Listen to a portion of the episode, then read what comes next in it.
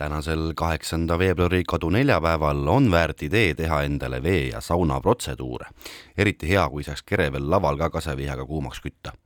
kui seda aga ei viitsi, siis võite samal ajal kuulata ka meie kokkuvõtet tänasest Kuku raadiopäevast hommikuraadios käis külas peapiiskop Urmas Viilma, kes rääkis, mis põhjusel osales ta Eestist välja saadetud metropoliit Eugeni viimasel liturgial. mind oli kutsutud sinna mm, ajaloolisele sündmusele, kus üle aastakümnete pandi ametisse Eesti päritolu äh, piiskop ja võiks siis öelda esimene piiskop, ehk siis mind oli kutsutud piiskopi ametisse pühitsemisele ja kuna ma olen Eesti Kirikute Nõukogu president äh, ja sinna nõukogusse kuulub kümme äh, Eestis tegutsevat suuremat kristlikku kirikut, kaasa arvatud Moskva patriarhaadi Eesti õigeusu kirik, siis ma osalesin sellel piiskopi ametipühitsemisel aga seal liturgial selgus, et tegemist on ühtlasi äh, metropoliit Jevgeni viimase äh, siis liturgiaga ja, ja nii et fakt, et ma seal osalesin, on, on iseenesest korrektne, aga vajas pisut selgitamist. ma kaks aastat äh, väga pingsalt seda sõda jälgides pean siiski küsima, et miks üleüldse on Eesti Kirikute Nõukogul Moskva patriarhaadiga mingisugused suhted? see on ju kirik, mis pühitseb sisse rakette, droone, Vene sõdureid, nende AK-sid ja, ja, ja kuulideni välja, see on ju täiesti mõistusevastane, mida nad teevad. Jaa, täiesti nõus sellega, et, et kõik see, mida, mida Vene õigeusu kirik teeb või mis, mida meile kuvatakse, see on, see on lihtsalt õudne, õudne ja, ja see väärib ainult hukkamõistmist, samas me peame äh, Äh, vaatame, et äh, see, mis toimub äh, üle idapiiri ja see, mida teeb Vene õigeusu kirik eesotsas patriarh Kirilliga, ei ole automaatselt ülekantav siis Eesti, Eestis tegutseva Moskva patriarhaadi õigeusu kirikule ja miks on tegemist siis kirikuga, kes on Eesti Kirikute Nõukogu liikmeskirik, tegemist on sellesama Eesti Kirikute Nõukogu asutajaliikmega lausa aastal tuhat üheksasada kaheksakümmend üheksa. Ehk siis Moskva Patriarhaadi Eesti Õigeusu Kirik või tookord siis Vene Õigeusu Kirik oli üks selle, selle äh, nõukogu asutajatest ja nad on olnud kogu aeg selle liikmed. ja mm, mis ei paista ju avalikkuses välja, on see, et me tegelikult kogu aeg suhtleme siseministeeriumiga ehk siis usu küsimused kuulu-, kuuluvad siseministeeriumi haldusalasse ja me oleme korduvalt ja korduvalt äh, ka öelnud, et, et niipea, kui me saame Eesti julgeolekuorganitelt või, või Eesti valitsuse poolt või siseministri poolt sõnumi, et me kuidagi tegutseme väljaspool Eesti õigusruumi või, või kuidagi õigustame midagi, siis, siis antagu meile märku. Mm, siiamaani oleme me pigem avalikkuses ju kuulnud, ka kui varem on, on tekkinud need küsimused üles, eh, kus julgeolekuorganite esindajad või, või PPA esindajad või siseminister ise ütleb, et ei, meil ei ole otseselt mitte midagi ette heita sellele kirikule ja, ja ka praegu, kui me räägime mm, metropoliit Jevgeni väljasaatmisest, on seda korduvalt rõhutatud, sellele kirikule etteheiteid ei tehta. Ja küsimus on olnud siis konkreetses isikus, nii et see on ka võib-olla vastus, miks me endiselt äh, oleme koos äh, Moskva Patriarhaadi Eesti Õigeusu Kirikuga ühise laua taga, tegemist ei ole Eestis kuritegeliku organisatsiooniga ja seda ei ole mitte keegi äh, nõnda väljendanud. kõneles Urmas Viilma milline on õhustik Venemaal enne märtsikuiseid presidendivalimisi ning kas Vladimir Putini vastaskandidaatidest on asja, sellest kõneles Sihiku saates Venemaa tundja, politoloog Karmo Tüür. kõige jaburam oleks kasutada terminit opositsiooniline kandidaat aga ta on siiski alternatiivkandidaat. Ja selles mõttes ta sellise alternatiivina on mänginud väga uskumatult edukat mängu, andes võimaluse tõepoolest nüüd juba sadadele tuhandetele, kui mitte rohkematele venemaalastele juba ette äh, avaldada meelsust sellega, et näete, me anname oma to toetusallkirja ja ma kujutan ette, et ta tõmmati sellisesse mängu sisse Kremli poli-, poliittehnoloogide poolt just nimelt selle eesmärgiga, et näidata, et meil on siin ka, näete, teistsugused inimesed, aga asi on läinud natukese lappama. Ja see, et nähti Venemaa ja ka mitte Venemaa linnade tänavatel pikki järjekordi, kui inimesed seisid tundide kaupa selleks, et anda oma toetusallkiri Boriss Nadježnini poole,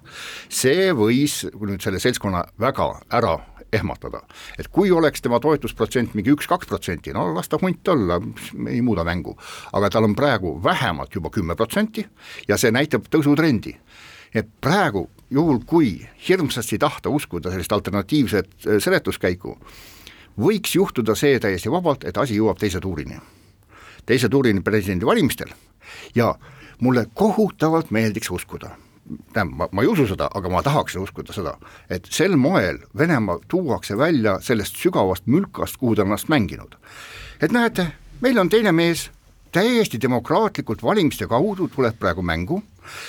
lõpetab ära sõja Ukrainas, punkt üks, eks ole, on, on sellest jamast vaba toob välja meid rahvusvaheliste sanktsioonide alt ja üleüldse Venemaa on üks tore ja ilus demokraatlik maa, et näete, noh, meil, toimuvadki valimiste kaudu asjad. mulle tohutult meeldiks seda uskuda, et niimoodi on tegelikult mingisugused mehed seal välja mõelnud, et lahendame selle pusle nüüd ära niimoodi ainult et see räägib vastu kõigele sellele, mis ma Venemaa kohta tean, nii et paraku. just, ma tahtsingi küsida, et mis peaks Venemaal juhtuma, et Peterburis talvepalees ja Moskvas Punasel väljakul puhkeks nii-öelda oranž revolutsioon, nagu me nägime seda kakskümmend aastat tagasi Kiievis ja aastal kaks tuhat kolm aastal Tbilisis siis rooside revolutsiooni? seda ei saa praegu tekkida. seda, seda lihtsalt ei saa tekkida, sest hirmuõhustik on aetud nii kaugele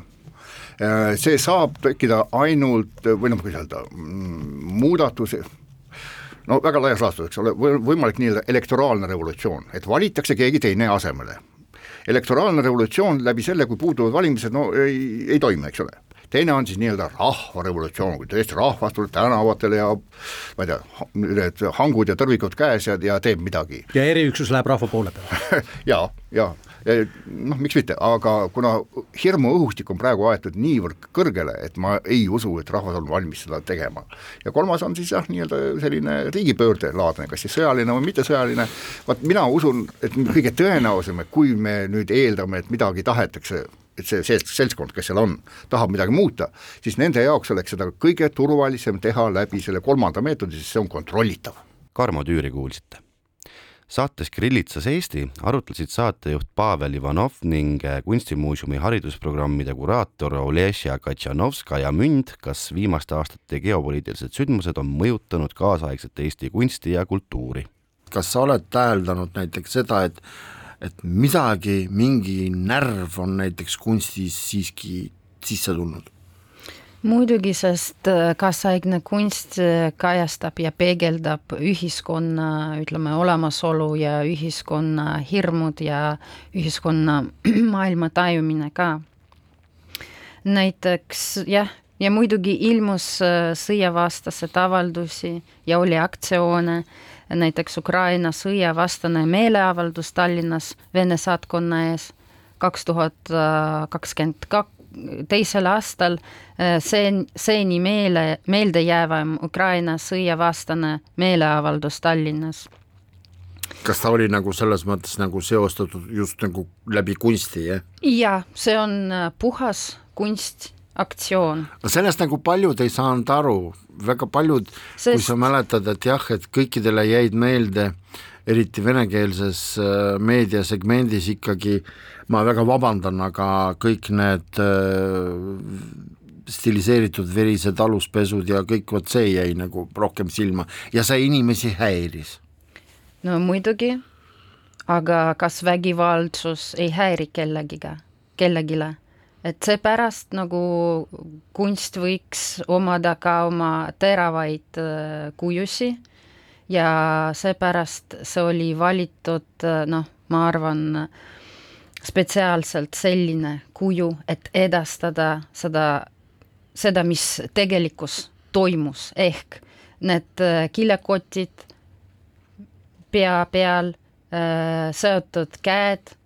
selja taga ja siis need äh, reied, mis oli kaetud verega aga kunst on ka nagu, kunst on ka, võiks olla ka mm, nagu rohkem kontseptuaalne, ta võib äh, ilmneda nagu erinevatest vormidest. see, ütleme, oli nagu niisugune selline nagu terav aktsioon, terava äh, piltidega ja siis näiteks on ka teisi kunstnikud, kes nagu väljendavad ennast Äh, mitte noh, teistmoodi mm -hmm. ütleme, äh, näiteks Maria Kapaeva teos, ähm, mis oli ähm, Tallinna kunstihoones Lasnamäe paviljonis esitatud, äh, kus ta, kus ta, kus ta läks Narvasse, ta ise on pärit sealt ja läks äh, selle tanki juurde, mis oli, mis oli tolle, tol hetkel kaetud lilledega ja hingas sisse ja lihtsalt nagu lasi endast välja karjuda nagu kõike, mida tal oli äh,. mitte sõnaliselt, vaid lihtsalt nagu see oli lihtsalt, ta lihtsalt karjus. ja ta karjus välja mida? Kogu see, mida ta tundis, nagu oma valu, see, see trauma nagu, mis ta, mis nagu peale seda toimus ja ta karjus sinna nagu Venemaa poole, et ja öeldes, et samuti ka siin me siia publikule, et tank ei saa olla nagu noh, monumendiks või nagu mälestussammaks, kuna see on relv ja seda kasutatakse, et inimesi tappa. Kirillitsas Eesti. kõiki saateid on võimalik taas kuulata Kuku koduleheküljelt või Playeri nimelisest äpist